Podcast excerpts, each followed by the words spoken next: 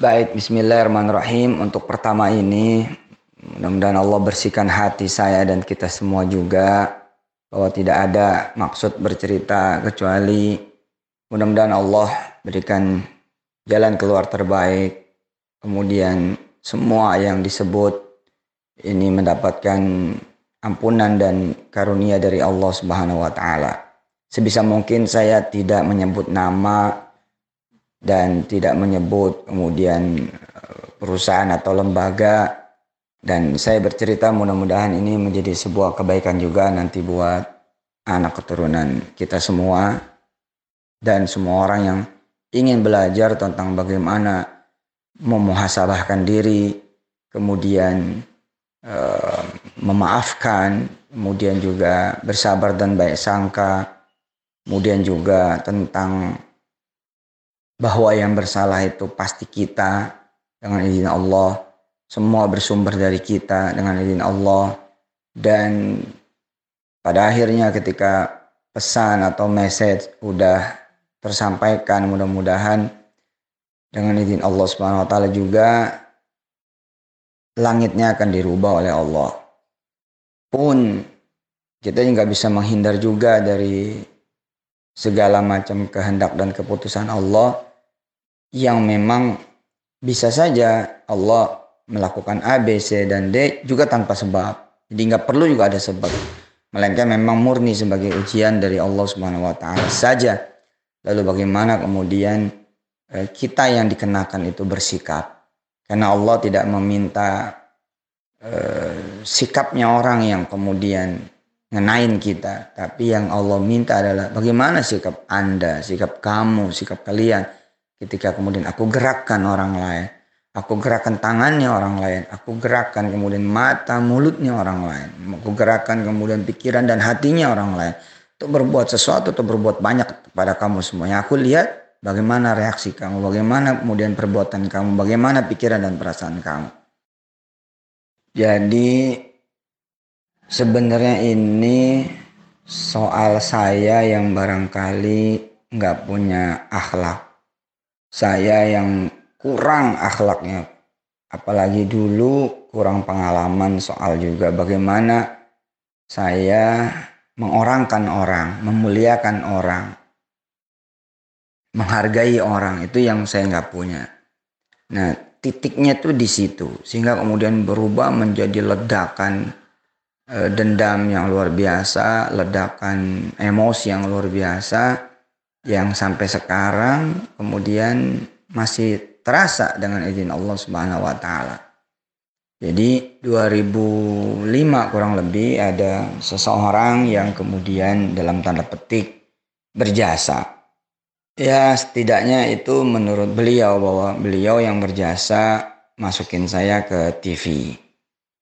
Saya sendiri parahnya tidak merasa. Nah itu kan salah gitu salah tidak merasa harusnya saya memilih berterima kasih terus kemudian benar-benar menghargai dan menempatkan beliaunya memang di posisinya gitu. Seingat saya, saya sudah menghormati, sudah memuliakan, tapi memang ternyata itu tidak cukup. Tapi itu memang 2005, belum ada jam terbang uh, bertemu dengan begitu banyak orang, belum ada banyak jam terbang, ketemu dengan pelajaran-pelajaran kehidupan.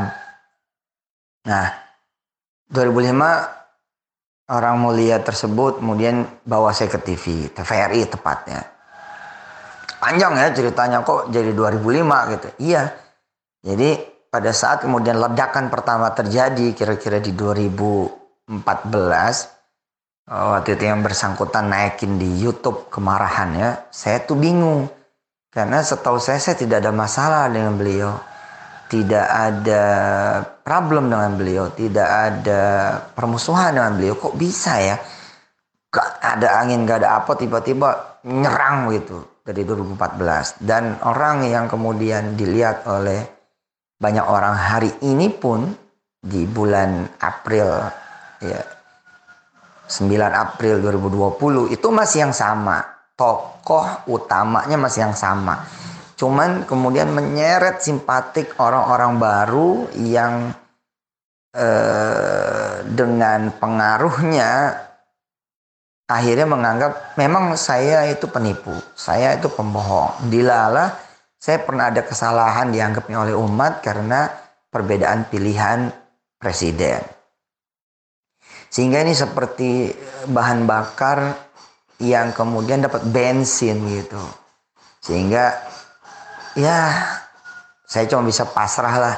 Padahal ketika pilpres pun waktu itu saya ya tapi tetap salah lah. Tetap salah, tetap salah, tetap salah. Mudah-mudahan Allah ngampunin saya. Nah, eh, pas meledak di YouTube saya periksa betul saya benar-benar periksa menit ke menit dua video YouTube. Ini apa ya? Nah ternyata ketemulah benang merah kejadian dari 2005 itu sesuatu yang sampai sekarang aduh gitu.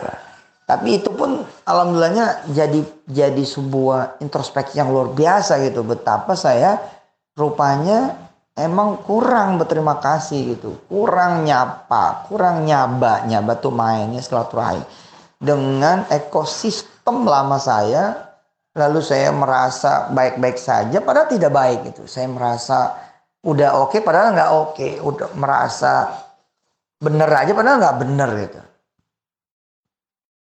2005 2005 dengan izin Allah saya yang saat itu masih tertatih-tatih, masih meniti jalan dakwah, jalan bisnis, jalan usaha, jalan perdagangan, masih juga tertatih-tatih menyelesaikan segudang persoalan, segudang permasalahan. Ya, saya lahir dari masalah. Rahimnya tuh rahim masalah. Saya ngapal Quran ketika saya ada di tahanan polisi. Saya menjadi penulis ketika saya ada di tahanannya tentara saya pernah ditahan di Rindam, saya pernah ditahan di uh, dua tahanan polisi dan tahanan tentara, dan akhirnya juga saya pernah ditahan di kantor orang juga karena perbuatan saya yang ya betul kita kadang-kadang nggak bisa memilih ada di waktu tempat yang salah.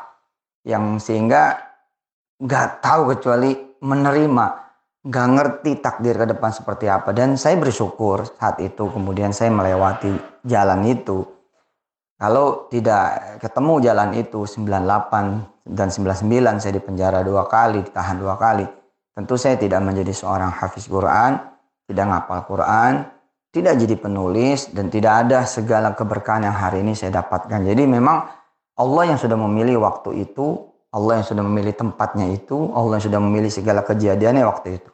Tapi baik, saya lahir dari rahim masalah.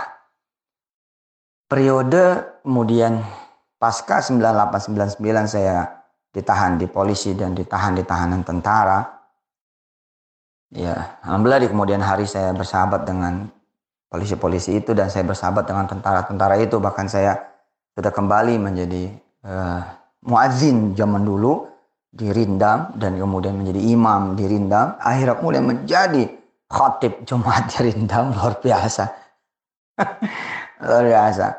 Nah, eh, pasca kemudian 9899 itu masih menyisakan persoalan karena semuanya meledak dan saya terima hingga kemudian berwujud dalam bentuk dalam tanda petik hutang yang nilainya raksasa untuk ukuran saya sekitar 1,4 miliar rupiah. Nah, 2004 2005 saya kemudian memutuskan menjadi menjadi ustadz full. Tidak bicara tentang uh, bisnis, tidak bicara tentang usaha. Sampai sekarang pun tidak. Jadi kalaupun saya saat ini berdagang, berbisnis, berusaha itu selalu dalam koridor bagaimana kemudian kita berdakwah mengajarkan orang ini loh caranya bisnis, ini loh caranya dagang. Ayo dagang, ayo bisnis. Ini adalah bagian dari amaliyah Islam. Amaliyah seorang muslim, dagang, kerja, usaha, tangan di atas, tidak tangan di bawah ini merupakan bagian juga dari pengajaran. Jadi kalau ada yang orang kalau ada orang bilang Ustaz pengusaha ya, saya masih nggak nggak terlalu nyaman dengan kalimat itu. Saya bilang, enggak, saya tetap ustadz. Ya walaupun sisi lain saya bilang, enggak usah malu-malu. Ya bilang aja iya, emang kenapa? ya, nah 2005 itu utang saya sudah bertengger di angka 1,4 miliar rupiah. Dan e, secara fisik saya ini payah gitu. Rumah kami waktu itu masih tanah, belum keramik, hanya satu ruangan yang di keramik, ya, ini ruang tamu, yang lainnya masih tanah, asli tanah. Kemudian atapnya itu eh, eh bukan eternit, ya, eh, melainkan bumbungan bambu yang kalau malam kadang-kadang ular melingkar gitu. Dan kami nyaman-nyaman aja karena merasa ya lo lo gue gue jangan jangan sering ganggu gitu. Zaman dulu tuh hebat banget sebagai orang kampung. Buang air pun masih di kebun, buang air juga masih di uh, jamban istilahnya ya yakni kolam ikan kemudian dipasang uh, apa namanya uh, batang pohon bagus sekali open sky open sky toilet while we are uh, pooping we are looking the moon stars. Gitu. Sambil ngepop memang ngelihat bintang, bulan, keren, keren banget, keren banget. Matahari pagi, wih ya, cantik. Uh, tapi saat itu saya sudah memulai embrio. 2002 sudah ada perguruan tinggi yang saya punya dengan izin Allah. Itu juga sesuatu yang miracle how come gitu bagaimana mungkin gitu bahkan 2003 saya punya perguruan tinggi yang kedua come itu bagaimana mungkin itu? 2003 itu pula merintis 2004 merintis kemudian eh, pesantren Darul Quran dengan 8 santri saat itu yang gak berbayar gratis. Kemudian di 2005-nya eh, ini mohon maaf nih saya harus ceritanya agak panjang dikit. Karena eh, this is the chronologis inilah kronologinya gitu. Kenapa kemudian sampai hari ini ada orang yang benar-benar berburu berburu saya supaya saya jatuh, supaya saya itu hancur, supaya saya itu binasa. Dan sampai hari ini saya lebih memaklumi ketimbang saya marah, lebih lebih kemudian menerima ketimbang saya kemudian emosi gitu. Ya sesaat kadang-kadang kayak ngelihat postingan terbaru tanggal 9 April itu ya 8 9 April 2020 postingan terbaru di YouTube-nya ya mereka dan asosiasinya. Saya ya manusiawi tapi kembali saya bilang justru mereka lah yang punya andil besar gitu. Rasanya nggak apa-apa juga mereka melakukan apa pun itu. Seperti ibu kita kalau mau mukul kita nggak apa-apa juga gitu. Nggak bakal bisa ngebayar uh, kita lahir dari rahimnya gitu. Itu yang mau saya coba untuk diterapkan pada diri saya. Hancur sih sakit gitu terutama ketika ekosistem saya yang kena gitu. Kenapa kemarin saya putuskan juga lapor ke Bareskrim ya di ya, Februari Maret 2020. Tapi akhirnya saya selodonin. Ntar aja lah ya, satu COVID yang kedua, aduh kayaknya kok agak bukan saya nih gitu, agak bukan Yusuf Mansur nih gitu. Tapi pertimbangan waktu itu berangkat ke Bareskrim, pertimbangannya memang bukan saya, pertimbangannya adalah ekosistemnya saya. Jadi ekosistem saya ini boleh dibilang menjadi menjadi apa ada imbasnya. Misalkan ada satu wali murid yang terus saja diomongin sama orang tuanya, sama kakak atau adik dan saudaranya. Ngapain sih kamu nyekolin anak di dalam Quran? Ntar jadi penipu loh. Buat apa? Apal Quran tapi akhirnya nipu. Lo kayaknya aja udah nipu gimana lagi bawah-bawahannya.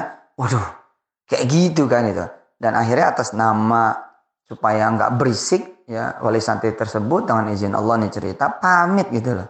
Saya pindahin anak saya ya Ustadz. Gak tahan saya daripada saya ribut sama orang, -orang tua. Kayak gitu gitu. Ya, belakangan saya juga ngomong tapi dipelintir lagi soal masjid. Saya bilang saya cerita gitu ada DKM masjid yang datang ke saya katakanlah hari Senin minta jadwal kemudian langsung saya iakan begitu diiakan gembiranya minta ampun kemudian hari Rebo datang lagi dengan rombongan DKM karena ini adalah berita besar buat mereka gitu. buat beliau-beliau. Dan saya terima sambil kemudian saya ajak keliling pesantren. Gembira banget makan apa segala macam dan Jumatnya diumumkanlah di masjid. Uh, sebelum Jumat biasa kan pengumuman DKM bahwa uh, yang hot ya apa uh, sebelum khotib naik mimbar ada pengumuman-pengumuman kayak gitu kan uh, untuk acara tablik akbar besok alhamdulillah setelah tiga tahun kita kontak Ustadz Yusuf Mansur nggak pernah bisa ini Ustadz Yusuf Mansur sudah berhasil kami ketemu, kami kontak dan sudah ada tanggal yang diberikan oleh beliau. Itu ada satu jamaah yang kemudian ngacungin tangan dan bilang, jangan kotori masjid kami dengan penipu, dengan orang munafik. Yuh, DKM yang pengen DKM yang pengen kemudian memberitakan ini sebagai berita baik jadi grogi. Itulah salah satunya ya ada juga eh, ibu ada juga banyak gitu sih tapi setelah saya laporin ke baris krim saya itu mikir gitu oh sebentar nih gitu. oh, seperti masih ada yang salah ya? Apa gitu yang salah? Sehingga masih di slow downin gitu loh. Eh, kebetulan dengan izin Allah ada covid gitu. Jadi ya ya memang slow down gitu. Nah kembali ke 2005 jadi posisi saya di 2005 tuh masih kayak gitu. Utang 1,4 miliar, rumah masih tanah, bumbungan bambu, pintu juga masih nggak nyampe ke bawah karena pintu yang dipakai pintu seadanya, tembok juga tidak sampai ke atas karena kekurangan bahan barangkali itu. Mertua jadi saya tinggal di rumah di rumah mertua ya, almarhum mertua. Eh, tapi itu saya bilang karunia luar biasa. Saya dalam kondisi kayak gitu udah punya dua perguruan tinggi, udah punya embrio Darul Quran punya istri gitu. Belum lahir tuh waktu itu Wirda. Wirda, eh Wirda udah lahir sorry 2001 Wirda lahir. Belum lahir anak yang kedua. Uh, nah lagi niti-niti gitu saya mulai masuk El Sinta. Mulai masuk El Sinta, masuk juga sebenarnya udah TVRI. Nah tapi orang ini memang berkelas karena saat itu udah menjadi pengusaha nasional, udah punya banyak outlet di mana-mana. Karyawannya juga udah Mungkin udah ribuan saat itu gitu. Artinya ini orang hebat lah. Saya juga ngelihat bagaimana tangannya ringan yang membantu orang ketika masuk ke studio TVRI itu mulai dari satpam yang ditemuin, wah itu ngepelin terus tak tak tak tak, tak duitnya itu lancar gitu. Saya sampai kagum sebenarnya. Dan memang orang ini dikenal sebagai pelaku sedekah yang luar biasa. Usahanya itu hmm, beliau menerapkan 30% ya bersedekah gitu. Bukan cuma 10% loh, tapi 30 persen. Nah, 2005 beliau ngajak saya tampil di TVRI, beliau yang bayar acara itu. Kemudian pulangnya saya ngobrol sama beliau.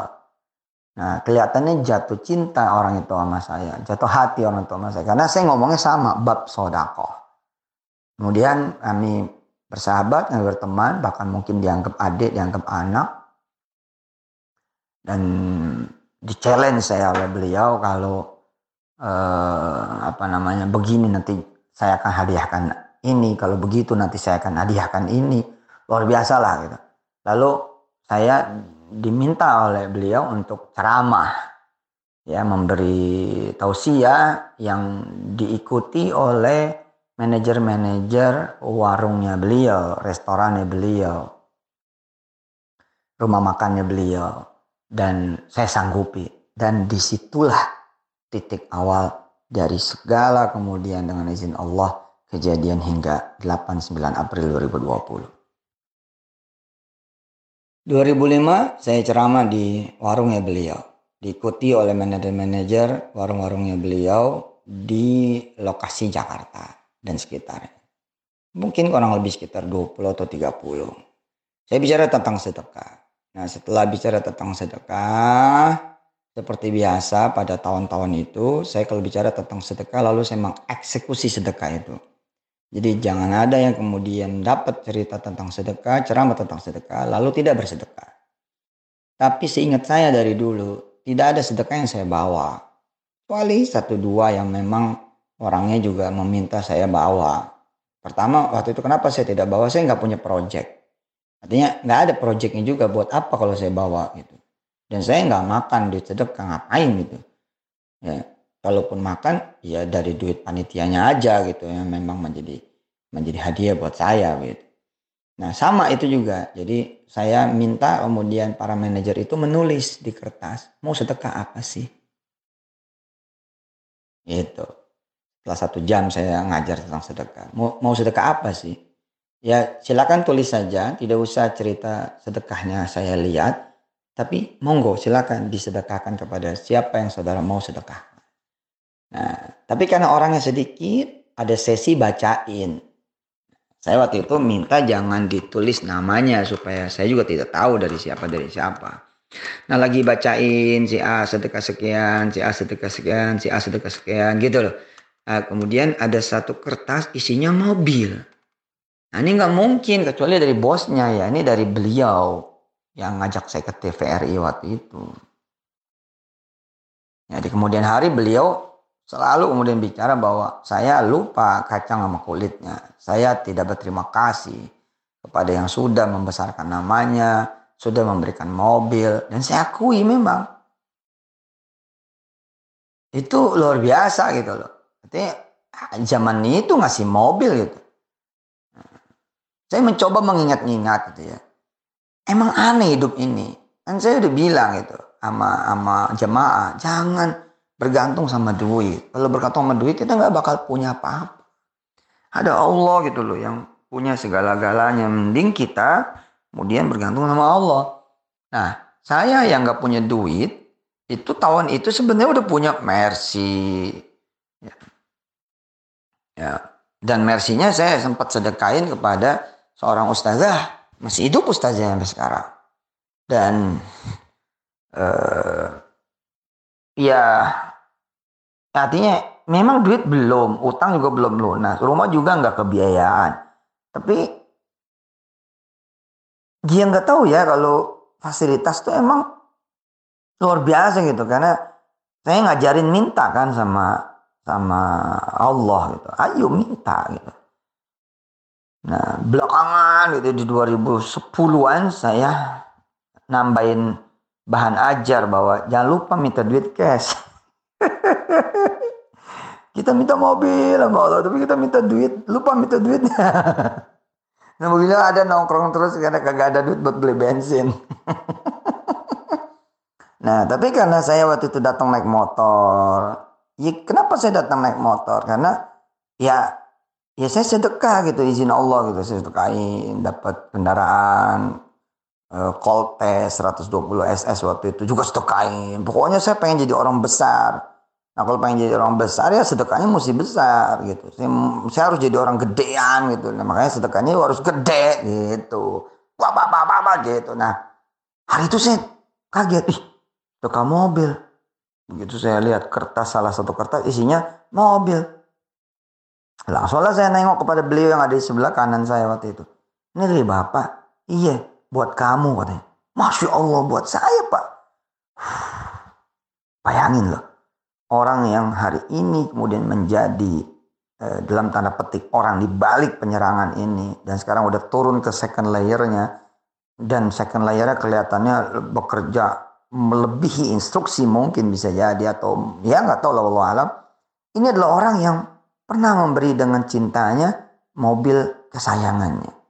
Memberi dengan cintanya mobil yang kemudian menjadi mobil kebanggaannya. Jadi ada mobil Elf yang dimodifikasi sedemikian rupa menjadi rumah berjalan. Dia tidak ngebanggain hammernya, tidak ngebanggain yang lainnya. Dia banggain itu sebagai mobil terbaik yang dia eh, hari itu sedekahkan kepada saya. Terus saya memastikan, Pak ini benar buat saya ya Pak, karena saya bukan mustahik loh gitu. Nah ini dia buat, udah buat ente, wow, gitu. Pokoknya cinta gitu loh. Saya oh, hari itu juga langsung lihat mobilnya kayak apa, disaksikan oleh para karyawan dan manajer outletnya. Nah hari itu juga saya bawa. Bergetar saya, ya Allah luar biasa.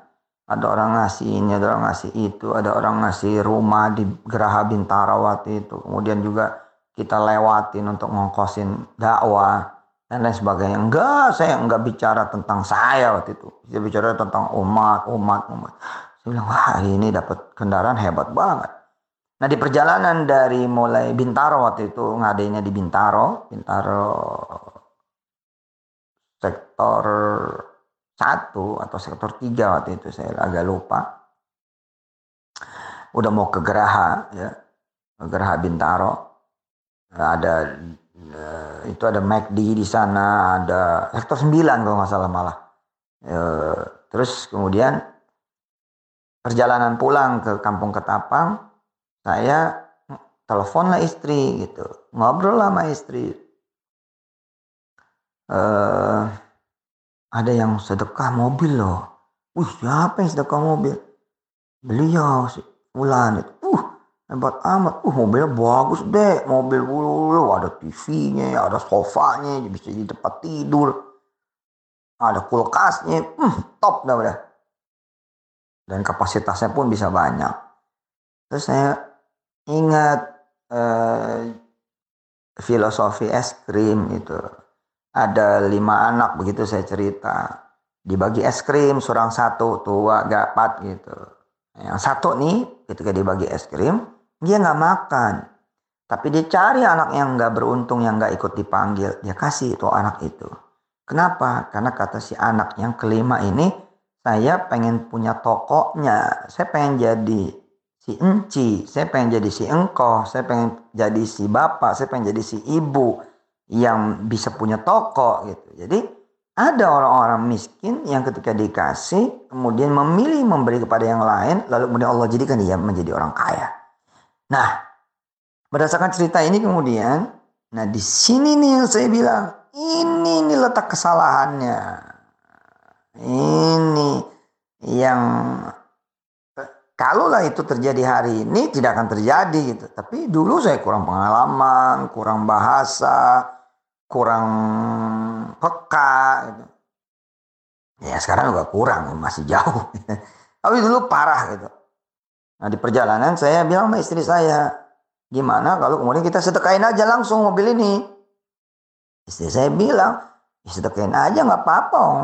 Saya juga nggak bisa bawa mobil, tempat juga nggak ada. Dan memang rumah kami kan di gang waktu itu. Mau naruh di mana mobil itu? Gitu. Nah itu juga alasan kenapa saya sedekah-sedekah-sedekah terus. Ya, karena kalau saya bawa mobil ke rumah juga naruhnya jauh. Terus kalau saya paksain, yang ganggu orang juga gitu. Terus sepet juga orang saya utang banyak mas punya mobil gitu. nah istri saya setuju, kemudian belok lah mobil itu ke satu pesantren yang kelak menjadi Darul Quran yang pertama. Ya, di kampung Bulak Santri itu ada ada Mualim Hussein almarhum dan anaknya kemudian Mualim Rahim. Nah, saya bawa ke situ, kemudian serah terima sebagai mobilnya pesantren itu dah gitu walaupun pakai Al Quran tapi saya tetap merasa itu bukan bukan saya gitu. Dan buktinya sampai sekarang udah udah pisah kan dari Al Quran pusat. Maksudnya itu punya rohim gitu punya orang bulak gitu bukan punya orang ketapang. Waktu saya bikin itu orang kampung sini pada komen bukan bikin pesantren di kampung sendiri dulu malah di kampung orang gitu. Terus saya bilang ya kalau kampung sendiri mau hebat bantuin kampung orang gitu. Itu saya belok ke situ kemudian serah terima. Di situlah masalah awalnya. Gitu. Nanti ada terusan insya Allah. Panjang nih masih. Tapi ini ini hik, hik, hikmahnya banyak ini. Banyak banget ini hikmahnya. Top ini. Insya Allah ya buat yang mau mau apa? Ngambil hikmah ya tentu saja yang nggak bisa ya dan nggak mau ya nggak dapat lah. Izin Allah mudah-mudahan pada dapat hikmahnya. Oke, cerita tadi sampai kemudian saya member apa? Ya bersedekah mobil yang disedekahin ke saya. Nah, mestinya saya bilang dulu sama beliaunya itu, boleh nggak kalau saya sedekahin? Bisa nggak kalau saya sedekahin? Diizinin nggak kalau saya sedekahin? Kan beliau berharapnya saya make. Gitu kan? Nah, kesalahan saya lagi adalah mobil yang saya terima itu itu polos gitu. Nah, di kemudian hari mobil itu kemudian ditempel macam-macam. Jadi karena saya sedekahnya masih ke ekosistem orang dekat, jadi masih juga sesekali kita pakai. Nah, ada kolega kami yang kemudian juga minjem mobil itu untuk film kami. Nah, ya saya sih senyum-senyum aja pada saat 2007 saya dijemput dengan mobil itu. Ada foto saya gede banget di mobil itu. Wih, saya bilang, Haji Doni, ini mobil diginiin. Iya nih, ini udah izin sama Rahim. Wih, mobil jadi begini. Kun fayakun the movie gitu. Nah, logo-logo yang lain masuk, dilala logo Bapak yang mulia yang ngasih saya mobil itu nggak masuk. Nggak, nggak mungkin juga dia nggak tahu gitu orang kita juga dekat gitu. Dan hebatnya beliau nggak pernah mempermasalahkan. Jadi ini murni menurut saya emang ini adalah kesalahan saya. Bahwa di kemudian hari terjadi persoalan hukum ya. Jadi belok dicari kemudian titik lemah saya di soal hukum dan lain-lain yang dilalai ya pasti ada kalau kalau dicari mah gitu ya. Ya itu sih menurut saya kembangan aja maksudnya bunganya gitu. Aslinya orang ini baik sekali. Gak pernah lo masalahin. Dan coba nggak nggak nggak tahu nggak tahu kalau kalau sebenarnya lagi terjadi masalah. Jadi begini, ketika saya sedekain, saya menganggap udah selesai urusan. Wong barang udah saya sedekain kok, ya udahlah saya nggak lihat-lihat lagi gitu loh. Nah lupa saya kalau mobil itu harus diperpanjang setiap tahun. Nah, tambah parah ketika diperpanjang, bukan saya yang ngurus. 2006 saya udah punya mobil tuh. 2006 saya sudah punya mobil sendiri, udah punya sopir. Jadi dapat kebaikan juga dari orang yang lain. Jadi ada orang ngasih saya mobil sama sopir. Sopirnya juga masih sampai sekarang masih jadi sopir saya dengan izin Allah. Masih bersama saya khidmat. Tapi beliau udah jadi separuh, udah, udah pengusaha. Nah ketika kemudian beliau jadi sopir, ketika saya, Tet ini perpanjang mobil ini gimana? Oh ya langsung aja sama Pak Anu tadi diurusin tuh sama Sariman namanya sopirnya Sariman. Kebayang kan gitu nggak tahu ceritanya gimana tiba-tiba ada orang datang mau perpanjang mobil. Punya BPKB dan STNK-nya mau perpanjang STNK kebayang nggak sih gitu loh? Emang ustadznya ke mana? Ini gitu. Mau mobilnya di mana? Di siapa yang mau mobilnya gitu loh. Tapi luar biasanya segudang pertanyaan yang pastinya ada itu tetap diperpanjang. Terus terulang lagi 2007 saya ditanya lagi sama sopir saya itu ya. Jadi bapak itu nanya ke sopir saya lagi mana ustadz kamu? Itu kok nggak datang ke saya? Gitu. Nah sopir saya juga nggak ngomong ke saya lagi. Aduh ini emang soal jam terbang bagaimana kita harus ngajarin anak-anak kita ada akhlak. Kalau nggak parah emang ya buktinya hari ini. Itu nah saya taunya dari mana 2014 meledaklah di YouTube. Rupanya ini udah tahunan nih, udah udah bener-bener nggak ketahan gitu. Meledak di YouTube. Nah ada menit kesekian yang bunyinya begini kira-kira. Apaan saya kan konglomerat. Kira-kira begitu ya. Saya kan orang kaya ini. Lo senior kira-kira begitulah. Kira-kira begitu. Ini yang ngomong supirnya. Sombong sekali sih. Emang nah, oh di situ. Saya bilang astagfirullah iya benar. Nah, nah waktu itu lewat kanan kiri saya minta udah susah nih komunikasi tapi alhamdulillah ada ada seorang ustadz yang kemudian menjadi wasilah saya ketemu.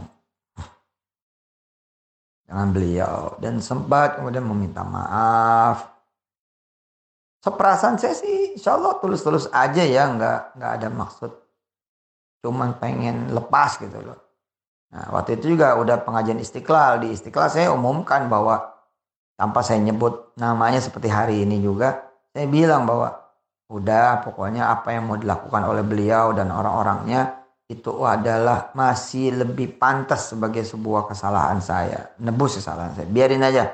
nggak apa-apa. Itu itu salah saya sudah. Insya Allah saya perbaiki. Gitu.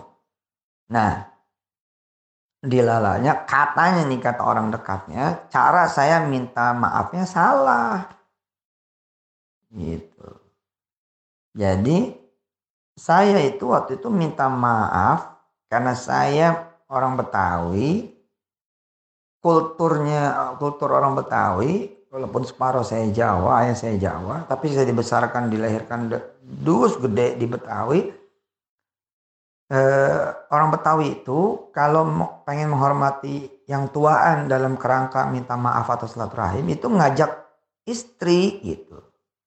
Lah saya ngajaklah istri. Nah, dianggapnya itu penghinaan. Kenapa penghinaan? Karena beliau memang pejuang poligami. Dakwahnya itu poligami. Jadi dengan saya bawa istri ke sono dan seolah-olah menunjukkan perlawanan itu. Nah akhirnya alih-alih kemudian permintaan maaf itu baik, malah menjadi babak baru. Nah habis yang ini kita udah bicara soal hukumnya nih, soal konstruksi yang dipermasalahkannya. Tapi kira-kira itu dulu ya itulah dia kronologis utamanya gitu. Bagaimana saya tidak menempatkan diri sebagai yang salah saja, oh memang saya yang salah. Gitu. Soal nanti konstruksi hukum yang dicari-cari, laporin sana, laporin sini. Udah terbukti. Ke mana aja SP3. Alhamdulillah lah izin Allah. Ke mana aja SP3. Upaya hukum terakhir yang mereka kemudian laksanakan ya laporan, eh bukan laporan ya, gugatan ke pengadilan, gugatan perdata di pengadilan. Nah ini saya nggak tahu juga nih yang tanggal 8, tanggal 9 April di upload ini yang ada ikatan advokat apa itu. Nah itu saya nggak tahu nih arahnya mau dibawa ke mana gitu. Apakah ada lagi yang dianggap korban gitu. Lalu kemudian melapor ke mana sih masih belum karena saya nggak ngikutin eh, uploadan YouTube-nya beliau-beliau itu yang edisi 8 9 April. Belum belum lihat tuh ke mana ini arahnya gitu. Oh ya, karena kemarahan, karena emosi, beliau juga banyak dengar dari yang salah. Di antaranya ketika waktu pertama kali ketemu di 2015 itu, beliau bilang, kamu ini kalau jadi ustadz yang benar, masa pakai duit, saya diem aja. Dalam hati saya kapan saya pakai duit gitu ya? Ada satu teman cerita di Medan. Undang ente udah mahal bayarnya terus kumpul duit 60 juta. Dibawa lagi duitnya. Digondol sama kamu gitu. Tapi saya nerima gitu enggak enggak gimana enggak gimana kan kasihan orang gitu dia bilang kan wajar kalau dia marah karena dapat informasi kayak gitu Terus saya hati-hati saya jawab, baik Pak, siapa orangnya nanti biar saya minta maaf ke beliau. Disebutlah nama Ustadz A gitu. Saya inget banget peristiwanya saya diundang ke Masjid Raya di Medan. Zikirlah di, di beliau. Dari awal udah dikasih tahu sama teman-teman Azikro kalau itu tuh sempalan itu keluar dari Ustadz Arifin dan lain sebagainya. Tapi karena udah janji, udah dan saya pikirlah jikir kok gitu. Nah sampai sana emang disuruh bicara tentang sedekah dan itu satu masjid jadi saksi. Memang saya bicara sedekah tapi sesuai kebiasaan habis sedekah itu saya nggak tahu berapa jumlahnya. Saya taruh aja, saya bilang udah ini bukan urusan saya ya, ini urusan panitia. Mau ke mana kek panitia itu bukan urusan saya. Urusan saya adalah bagaimana kemudian saya ngajar sedekah, lalu kemudian semua orang yang mendengar itu bersedekah. Oh, saya bilang, tapi saya nggak nggak cerita tentang ini. Saya bilang, boleh saya tahu uh, siapa yang cerita, biar saya minta maaf. Ceritalah Ustadz Anu. Saya bilang, oh ya udah nanti saya kontak lah beliaunya. Apa kata beliau? Orang udah meninggal. Dosa ente tuh sampai sampai bawa orang yang meninggal. Duh, bener bener Haji Azmi dah. Kadang kita ada di situasi yang nggak tepat, situasi yang salah. Ya udah, mau gimana? Boleh nerima gitu. Pernah disidang kan nama Habib Rizik dan kawan-kawan. Nah, persidangan itu juga permintaan dari kelompok mereka. Jadi waktu itu beliau-beliau tuh nulis, nulis buku, nerbitin buku berapa biji gitu. Kemudian dikasih ke mana-mana lah. Kiai, ustadz, ustazah, lembaga-lembaga resmi, sekolah-sekolah, pesantren termasuk Habib Rizik dan kawan-kawan senior ya, guru-guru senior di Jakarta dan sekitarnya. Waktu itu nyedang saya tuh. Nah, saya datang. Ya nggak apa-apa namanya juga dimintain keterangan kan gitu. Saya datang. Tapi yang bersangkutan sampai ya orangnya orangnya beliau tuh sampai kemudian lewat satu jam lebih itu nggak nongol-nongol dan dipastikan nggak datang. Itu tuh Habib Rizik nyuruh saya berdiri terus melok saya. Habib Rizik bilang kalau gitu antum yang benar kan antum berani datang gitu nah hari itulah laporan ke baris krim mereka laporan pertama ke baris krim kalau nggak salah tuh waktu itu. Wallahu alam bisawab saya pernah datang ke pusat Arifin Ilham dan lain-lain sebagainya. Tapi ya udah gimana udah nggak bisa juga dimintain gimana gimana aja orang udah wafat gitu kan. Bener tuh itu puisi itu bener banget dan kalimat Haji Asmi itu bener banget. Karena kita ada di posisi yang salah, waktu yang salah, yang nggak tepat gitu yang ya gimana lah gitu. Tapi ya insya Allah semua jadi kebaikan. Nah next kita ngobrol soal konstruksi hukumnya. Apa sih yang dipersoalkan gitu ya? Apa sih yang dipermasalahkan gitu? Apa yang dipersoalin dan dimasalahin gitu? Insya Allah. Persoalan hukum yang kemudian terus menerus dibawa oleh beliau-beliau dan kelompoknya itu kira-kira secara garis secara garis besar ini ada tiga. Pertama diasosiasikan atau di uh, apa namanya ya digiring kepada opini bahwa saya makan duit sedekah, menyalahgunakan sedekah dan sembarangan kemudian berdakwah tentang sedekah. Tidak punya dalil, tidak punya dasar, termasuk salah dalam eh, cara saya memotivasi orang sedekah yang bicaranya dunia. Itu yang pertama. Dan dilala yang pertama ini pun juga pernah dibawa ke ranah hukum. Seperti juga eh, yang YouTube terakhir 89 April itu. Padahal saya sendiri tidak tahu sedekahnya ke mana gitu, ke siapa gitu. Pertama memang ke orang lain, yang kedua ya itu secara sistem. Ya, ke orang lain itu pernah terjadi begini, saya ceramah di Wonosobo dengan izin Allah eh, dan saya dituduh lagi-lagi membawa uangnya, padahal sama sekali nggak dibawa dan waktu itu eh, sedekahnya juga ada ke Syekh Ali bukan ke saya dan kemudian ya nggak tahu marah tanpa sebab itu ada ada sosok yang kemudian dimunculkan marah tanpa sebab hmm, sehingga kemudian kesannya ya begitulah gitu. saya salah dan harus mulangin sedekah orang gitu. Terus ada juga yang katanya wakaf dengan memberi sertifikat ke PPPA Al Quran. Ada dua kalau nggak salah ke Surakarta dan Semarang. Itu jadi mirip seperti misalkan ada kawan-kawan yang sedekah ke pondok lalu ya mungkin yang namanya manusia ya ada selip, ada salah atau ada tidak tepat atau mungkin kurang cepat ya misalkan orang wakaf tapi nggak pernah digunain itu memang ada masa kalau kalau cerita 5-6 tahun yang yang lalu atau malah 7-8 tahun yang lalu ya memang kita kekurangan orang karena kan untuk mendrive menjalankan mengeksekusi satu sedekah orang, satu wakaf orang ini memang perlu SDM, perlu biaya, misalkan mengubah sertifikatnya menjadi akte wakaf, akte hibah. Ini nggak murah gitu. Dan orang nggak ngerti itu kalau itu perlu sistem, perlu orang dan perlu dana. Ya, beda kalau sekarang. Kalau sekarang ini emang udah relatif eh, apa namanya settle ya. Insya Allah bisa bisa tertangani dengan sangat baik, ada time table-nya, ada time plan-nya yang kemudian bisa membuat uh, sedekah orang kemudian tereksekusi dengan baik tanpa nunggu lama-lama. Ya, zaman dulu banget malah orang marah-marah ke saya. Sedekah rumah sampai rumahnya rusak.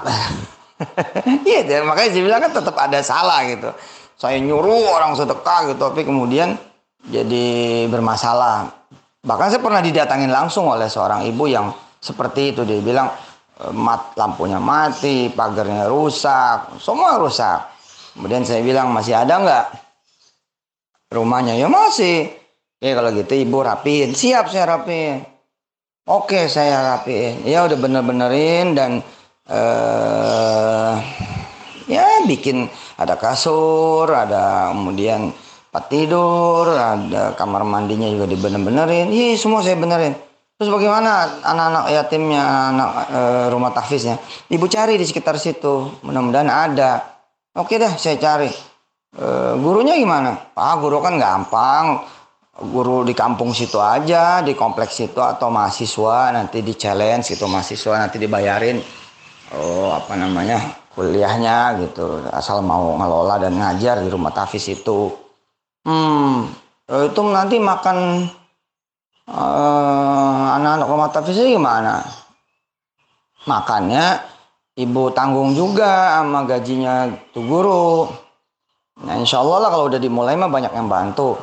Terus melotot tuh dia. Lah, terus tugas Ustadz apa?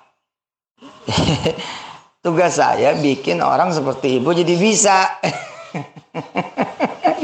nah itulah kemudian dat hadirlah rumah tafis mandiri yang sampai sekarang jumlahnya ribuan di seluruh tanah air. Oke, itu satu. Jadi yang dibawa menjadi ranah hukum, isunya itu seputar penyalahgunaan sedekah dan lain sebagainya. Ini sih gampang jawabnya karena PPP Adal Quran kan pembukuannya rapi, bagus. Kita malah pernah mendapatkan uh, award uh, sebagai salah satu lembaga dengan keuangan uh, publik terbaik gitu. Informasi keuangan publik terbaik itu. Sekali atau dua kali gitu. Dan dari 2007 kita udah biasa tuh pakai auditor independen dan kemudian ngiklanin di Republika gitu. Dan secara berkala semampunya kita mengirimkan kemudian laporan-laporan itu apa tiap bulan apa gitu eh, kepada donatur itu insya Allah oke yang kedua eh, konstruksi hukum yang mereka kemudian kenakan ke saya adalah soal patungan usaha. Nah, patungan usaha ntar saya jelaskan di kemudian hari ya di, di, di voice note yang berikutnya. Kemudian yang ketiga seputar moyafidi. Nah, insya Allah nanti saya jelasin nyusul. Patungan usaha ini adalah ide yang digagas berdasarkan ekonomi gotong royong bahwa duit kecil, duit receh kalau disatuin itu jadi duit raksasa banget. Ya, orang-orang kecil kalau dikumpulin itu jadi giant gitu, super giant malah jadi raksasa. Jadi raksasa ekonomi baru gitu dan juga membawa spirit bagaimana eh, Indonesia gitu ya orang-orang Indonesia bahkan saya tidak bicara muslim saja ini Indonesia ya warga negara Indonesia itu menjadi tuan di negerinya sendiri gitu tidak menjadi market doang tapi menjadi pelaku ya bahkan di atasnya pelaku ya ini menjadi investor gitu. Bagaimana kemudian semua opportunity yang terjadi di negeri ini harusnya menjadi hak ya, menjadi milik, menjadi kemudian rezeki dari orang-orang kita sendiri gitu. Bagaimana kita ketahui bahwa di Indonesia di daerah-daerah banyak kemudian opportunity itu tidak menjadi milik orang daerah itu ya tidak berarti otomatis tidak menjadi milik kita orang Indonesia karena masalah ilmu juga masalah regulasi Misalkan ada satu daerah yang bakal menjadi daerah industri, alih-alih kemudian eh, pemegang kekuasaan itu mengedukasi masyarakatnya supaya kemudian sadar, melek akan akan apa namanya opportunity yang bakal terjadi, malah kemudian menjadi calo ya. Pembebasan tanah kah atau apakah gitu. Dan konyolnya kadang-kadang e, menjahit dengan pihak perbankan dan kemudian pengusaha memakai e, justru surat-surat dari masyarakat itu sendiri sehingga dimodalin oleh perbankan tapi masyarakatnya hilang seperti gitu gitulah nah patungan usaha itu lahir menjawab itu nah sekitar 2010 saya mulai campaign gitu campaign campaign campaign campaign berdasarkan apa Salah satunya berdasarkan salah satu telco yang dijual. Kira-kira tahun 2008 kalau tidak salah dengan izin Allah. Telco itu pada saat dijual punya pelanggan 40 juta orang termasuk saya di antaranya. Dijual tuh 13 triliun uh, kurang lebih lah ya ceritanya. 13 triliun. Yang beli itu Qatar Kitel yang beli Qatar Telecommunication. Nah saya waktu itu eh, bilang kenapa dibeli oleh Qatar? Itu karena kita kita nggak ditawarin. Padahal kalau kita kita ditawarin kita juga mau persoalannya nawarin lo pada emang punya duit. Nah, di situ saya bilang ya iyalah kalau sendiri mah mana ada 13 triliun. Tapi kalau 40 juta orang itu ditawarin jadi murah. 13 triliun dibagi 40 juta itu cuman cuman loh 325 ribu. 325 ribu itu emangnya bayar langsung semalam? Hah? Eh, telco yang dimaksud itu emangnya perlunya sehari? Kan enggak bisa dibikin jadi uh, timetable-nya pembayaran ikutan sahamnya bisa tiga tahun 36 bulan sehingga cuma 9.000 perak per orang per bulan nah zaman itu memang belum zaman fintech ya tapi waktu itu saya udah bilang 9000 perak itu kan gampang. Di hold aja pulsa gitu. Pulsa di hold, kasih berita ke semua pemegang nomor gitu kan. Our valuable customer. Ya, uh, semua pelanggan kami yang kami hormati. Mau nggak jadi pemegang saham telco yang Anda pakai nomornya ini kalau mau. Tahan pulsa Anda setiap bulan 9000 perak. Maka 36 bulannya akan datang selamat Anda menjadi owner gitu loh. Ya kan sahamnya tiap bulan naik naik naik naik naik naik naik naik naik itu sampai kemudian eh, sempurna selesai tuh 13 triliun gitu loh. Sementara palanya orang-orang yang naruh saham itu kemudian bisa dijahit sehingga bisa anjak saham gitu. Ada perusahaan keuangan apa yang kemudian modalin, ada diskonto berapa yang dibagi gitu. Nah waktu itu saja saya udah bilang dan sekarang ketemu zamannya nih bahwa 9000 perak itu jangan lupa 9.000 perak itu kan sebulan. Kalau harian, maka ketemunya cuma 300 perak. Dan jangan lupa juga 300 perak itu satu hari. Nah kalau kita bagi tiga kali pembayaran, morning, noon, sama night gitu ya, pagi, siang, malam cuma 100 loh. Beli perusahaan raksasa sebesar 13 triliun itu cuma 100 rupiah loh. Nah hari ini kan dengan adanya fintech itu cuma satu perak, eh satu perak saja bisa gitu transfer gitu loh. Ini luar biasa ini gitu. Hah?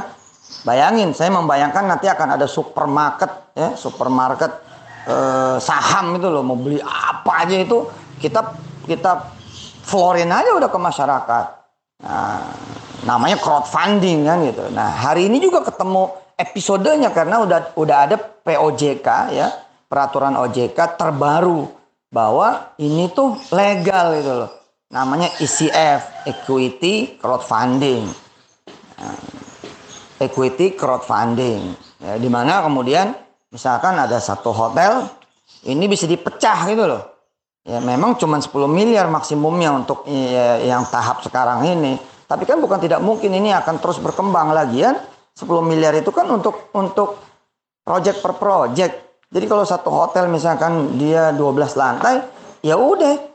Supaya memenuhi unsur 10 miliar ya perlantai saja. Perlantai di crowdfundingin investment crowdfunding crowdfunding investment gitu ya udah keluar nih nah Petren sendiri udah dalam proses pengajuan eh, dengan izin Allah keburu corona, habis corona insya Allah on lagi dan kita makin sempurna tuh gitu. Nah, di bidang properti misalnya, in, maka masyarakat kecil nanti akan menjadi pemilik dan tidak akan ada bubble karena ketemunya cuma dua layer langsung ketemu konsumen. Ya ini pemilik proyek, kemudian masyarakat patungan, kemudian langsung ke penyewa kah gitu loh atau ke pembeli kah gitu. Jadi tidak ada tuh yang namanya uh, bubble harga gitu. Ya, jadi satu kamar apartemen misalkan itu tidak nyari satu pembeli, tapi nyari seribu orang yang bisa patungan gitu loh. Misalkan kamarnya 200 juta, ya cuma 200 ribu gitu loh. Nah 200 ribu kan bisa cash keras ke developer dengan bertahap. 6 bulan, eh, ya 6 bulan, setahun atau malah 5 tahun 60 bulan. Tambah murah gitu loh. Sehingga ketika orang placement 100 ribu itu bisa buat eh, apa namanya saham macam-macam gitu. Oke, 2012 kemudian saya eksekusi dengan izin Allah. Namanya juga waktu itu pemula dan kemudian nggak ngerti apa-apa bahwa itu ada regulasinya, itu ada peraturannya. Nah, kemudian hari saya dituduh lagi gitu. Alhamdulillah gitu itu dulu lagi eh, investasi bodong, ilegal dan saya terima. Memang waktu itu juga kita diajar kan, diajar, alhamdulillah. Tapi karena saya bersahabat dengan media-media, nggak nggak lari, nggak gimana-gimana. Ketika kemudian dipanggil oleh OJK juga menjadi berkah buat OJK pada tahun itu, karena OJK baru aja eh, belum lama lahir kan e, masih kemudian perlu dikenal oleh masyarakat. Oh, saya waktu itu wartawan aja pada nanya kok OJK itu apa, kantornya di mana? Itu beneran, beneran terjadi itu. Nah, ini kan jadi juga e, e, sisi baik ya pemberitaan buat OJK dan OJK luar biasa saat itu. Saya sudah mensupport saya bahwa mereka bilang ini ini sebenarnya yang kami cari kata OJK pada saat itu pada masih zamannya Pak Mulyaman Hadad. Ini benar ini Tinggal Ustadz Yusuf dipakein aja regulasinya, suruh urus izinnya gitu. Nah, kemudian saya kena sanksi waktu itu. Sanksinya apa? Sanksi edukasi. Ya, saya terus belajar. Belajar, belajar, belajar, belajar, belajar, belajar, belajar, belajar. Nah, ya memang lama. 2018 akhir baru turunlah kemudian izin aset manajemen dan langsung bikin yang syariah dan hingga saat ini menyandang yang pertama dan satu-satunya syariah yang benar-benar full pledge dari lahir syariah. Ini sebenarnya sebuah keberkahan buat umat gitu dengan izin Allah Subhanahu wa taala. Satu keberkahan buat Indonesia gitu ya. tapi kalau aset manajemen memang belum crowdfunding banget gitu. Karena dana orang kan nggak bisa kita kelola gimana-gimana itu harus lewat aset manajemen. Beda nanti dengan SCF ya dengan ECF tuh beda, equity crowdfunding tuh beda. Tapi perpaduan antara kemudian aset manajemen dan ECF, ah itu top banget. Apalagi di tengah-tengahnya itu ada kooperasi. Nah waktu itu 2012 exit solusinya adalah pakai kooperasi. Nah di sinilah kemudian eh, terjadi problem, terjadi masalah montal-montal gitu. Dulu kan memang masih saya sendiri, saya yang nerima, saya yang catat, saya yang kemudian uh, mengeksekusi gitu. Dan eksekusi waktu itu ke Hotel City. Prematur emang itu. Uh, Hotel City. Kemudian ada yang namanya patungan aset. Jadi ada dua ada PU ada PA patungan usaha patungan aset. Patungan aset juga ini bertujuan melindungi tanah-tanah masyarakat supaya tidak dihabisin oleh konglomerasi kapital conglomeration gitu loh kapital konglomerat uh, orang-orang yang kaya-kaya gitu yang udah bisa beli tanah. Kita kagak pernah bisa beli. Kenapa? Kan duitnya cuma sejuta, sepuluh juta. Kita beli bisa beli juga kecil-kecil gitu loh. Itu pun juga jadi DP, jadi uang muka, terus kredit dari 15 tahun. Apaan sih gitu loh. Padahal kalau kita kumpulin nih jadi sebuah kekuatan gitu loh. Satu hektar tuh 10 ribu meter. Ya udah 10 ribu orang aja patungan. Selesai. Habis itu disentuh dengan ilmu properti, jadi sesuatu. Hitungan tak tak tak tak tak tak ya. Dua tiga kali jalan jadi pada punya rumah gitu loh. Nah sekali lagi itu prematur. Nah, rasa itu saya berhasil ngumpulin uang izin Allah 40 miliar tuh. Cuma lewat Twitter waktu itu. Nah, ya hancur. Gitu. data apa segala macam. Tapi berdiri itu. Hotelnya dengan segala segala ceritanya lah.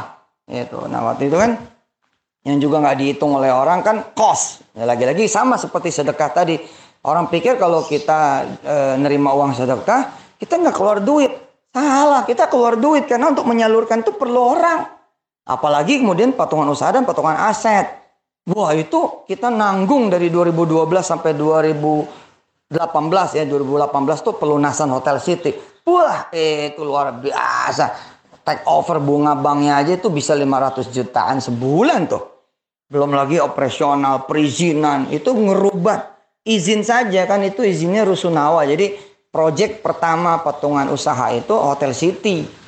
Nah, jadi semua yang pada ikut patungan usaha di move ke kooperasi, kemudian dibikinin eh, saham kooperasi itu eh, dan kemudian mereka menjadi pemilik sekian persen dihitung nih 100 persennya berapa sih Hotel City gitu loh. Terus dihitung saham mereka jadi sekian. Di perjalanan kemudian, ya alhamdulillah namanya juga, eh, saya bilang tadi namanya juga prematur, perdana, ya gitu deh, sandung-sandung gitu kan. Data banyak enggak lengkap, data banyak enggak cocok, bahkan enggak punya data.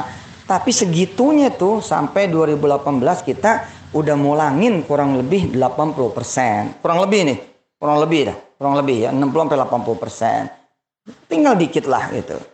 Ya alhamdulillah gitu. Nah di antara yang nggak bisa dipulangin itu emang yang datanya nggak ada apa segala macam. Nah pas Desember 2019 saya mulai izin Allah kekurangan uang, nggak ada uang karena emang suspend eh, imani yang karena kita masih kurang suspend tuh masih masih masih suspend sampai kemudian baru dibuka total 18 Maret kemarin. Tapi kodarullah keburu corona kan. Jadi saya nggak bisa e, memenuhi permintaan-permintaan periode yang kemudian akhir. Jadi masuk ke Desember 2019 sampai kemudian April 2020 ini saya belum bisa memenuhi. Nah, mungkin mudah-mudahan kalau udah ekonominya bagus, malah mungkin bisa kita lunasin insya Allah. Nah, e, kelompok mereka ini menjaring gitu. Mereka bikin Instagram, bikin Facebook, kemudian rajin bikin pertemuan-pertemuan lalu mengatakan bahwa siapa yang merasa ditipu, dibohongin, nah masuk masuk lapor ke kami. Nah ya kan pasti ada aja tuh yang lapor. Nah yang lapor-lapor itu di, di, di, ditangkap, di list, kemudian mereka didorong untuk lapor-lapor ke sana kemari. Alhamdulillah, eh, secara juga konstruksi potongan usaha ini segitunya tertati-tati benar gitu loh hotel city-nya ya ada. Karena kan harus dibedakan nih antara penipuan dengan kesalahan, penipuan dengan kegagalan, penipuan dengan kebangkrutan, penipuan dengan kemudian ketidaksuksesan, ketidakberhasilan, mesti dibedakan gitu. Ya, dan juga nggak gagal-gagal bahwa orang itu dipenuhi kok hotelnya ada dan saya selama ini tidak pernah berbagi rugi. Ya, kalau dihitung bunga bank itu sebagai sebuah kerugian kan itu kami tanggung dengan izin Allah dan memang waktu itu saya lagi super-supernya ya bisa nanggung apa segala macam sampai kemudian Hotel City itu lunas. Nah, waktu itu ketika dihajar saya bilang kita akan keliling kota-kota. Nah, alhamdulillah itu kami penuhi. Nah, itu pun sempat dipermasalahkan. Katanya mau keliling. Loh sudah, sudah keliling. Saya keliling tidak perlu semua kota. Jadi saya keliling dua kota tapi disiarkan. Nah, yang kemudian pengen balikin duitnya, ya bismillah, semampu kami kami akan kembalikan. Gitu, tapi kan juga jadi milik kita kalau setelah dikembalikan. Nah, supaya adil saya bilang, saya umumkan Hotel City itu kita akan eh, kembalikan dan saya akan wakafin gitu loh. Sudah sudah diwakafin, jadi nggak milik nggak milik saya juga padahal eh, saham terbesar kan saham saya dengan izin Allah. Tapi saya wakafin. Kenapa? Karena itu menjadi sebuah proyek mercusuar. Nah, sampai hari ini gugatannya pun yang di pengadilan negeri kelihatannya ada unsur yang PU juga. Oke, itu yang nomor dua. Ini nomor satu sedekah, nomor dua PU, yang nomor tiga ini Moya Fidi. Ini Moya Fidi lebih aneh lagi. Moya Fidi ini lahir di tahun yang sama dengan patungan usaha. Dan saya demen kalau ada orang yang melaksanakan tausiah saya. Demen kalau ada orang yang menyambut dan kemudian gegap gempita melaksanakan kemudian ceramah dan e, motivasi dari saya karena merasa jadi gayung bersambut. Ya, saya dan juga pemilik Moyavidi, penggerak Moyavidi sama-sama nggak ngerti kalau ini tuh salah gitu loh. Ngumpulin duit orang tanpa kemudian regulasi itu salah gitu. Ya. Tapi kami-kami termasuk yang cepet move-nya gitu loh. Nah, jadi Moyavidi ini bukan proyek saya. Salah kalau dialamatkan Moyavidi itu sebagai penipuan saya. Pertama, Moyavidi sendiri kalau saya lihat bukan penipuan. Ya, bukan penipuan. Jadi ada orang punya aset, kemudian ada e, mau dibangun apartemen. Lalu mereka ngikutin cara saya. Ya benar juga tuh daripada dimiliki om orang lain. Ya udah, Bismillah kita florin aja. Nah saya dengan sukacita dong gitu kan. Menyambut. Bagus, bagus, jalan, jalan, jalan. Nah pada saat yang bersamaan juga banyak titik tuh. Ada orang beli ruko, komplek, patungan beli ruko. Kan saya bilang, yang bener lah orang komplek oh, rukonya milik orang semua. Ayolah patungan tuh, sekomplek ada berapa orang sih? Seribu. Ya udah seribu orang patungan lah. Jadi ruko di depan itu punya punya orang komplek. Itu jalan gitu loh. Nah dilala yang ini emang gede gede. Nah, ini teman-teman di Magelang, Solo ya eh, jalan. Nah, waktu itu pasarnya adalah teman-teman Petren. Nah, izin Allah Subhanahu wa taala eh, oh iya, empat tuh yang dipermasalahin. Yang keempat tuh Petren. Oke, eh, cerita Mayafidi ya. Jadi pasar para patungan usaha dalam bentuk Mayafidi itu adalah teman-teman Petren. Nah, saya mengapresiasi dong ketika gelar acara tentang Moyavidi, saya datang. Nah, dari mulai dirumuskan, diputuskan mau ada Moyavidi, saya nggak terlibat dalam pengertian saya tidak terlibat sebagai pemilik. Enggak. Aduh, saya nggak punya itu rasa pengen ini punya saya ini punya. Aduh, ngapain sih gitu loh. Wong ini kan ini ceritanya tentang sebuah idea, idea ya, gagasan, pikiran saya mau florin aja kayak rumah tafis. Rumah tafis kalau emang pada bisa buka sendiri, kenapa harus saya yang buka gitu kan? Jalan aja begitu. Pesantren kalau emang pada bisa buka, lah kenapa harus saya yang buka? Jalan aja gitu. Patungan usaha juga begitu. Nah ini bentuknya mau ya Vidi. Nah dari mulai diputusin tanggal sekian mau ada pertemuan apa segala macam, ya tentu tektok sama saya, tapi tidak dalam kapasitas saya sebagai pemilik. Itu pemilik proyek, baik pemilik tanahnya maupun pemilik konsepnya tidak. Nah pada saat kemudian kan ada rentang waktu nih kayak jadwal ceramah lah. Ustadz bisa nggak hadir? Ya bisa. Tanggal berapa? Tanggal sekian. Nah, di rentang waktu itulah terjadi kemudian teguran dari OJK dan sebagainya yang kemudian akhirnya saya kasih tahu ke mereka eh cara kita salah dirubah nah waktu itu saya tetap datang tapi bicaranya itu bicara salah loh ini di, di, diperbaikilah dari awal udah kooperasi Terus jangan berkumpul lebih dari 300. Jadi kalau mau kumpul 299 saja. Bikinin batch per batch gitu. Batch 1 1 sampai 299. Batch 2 nanti satu lagi sampai 299 tapi batch 2 dan seterusnya.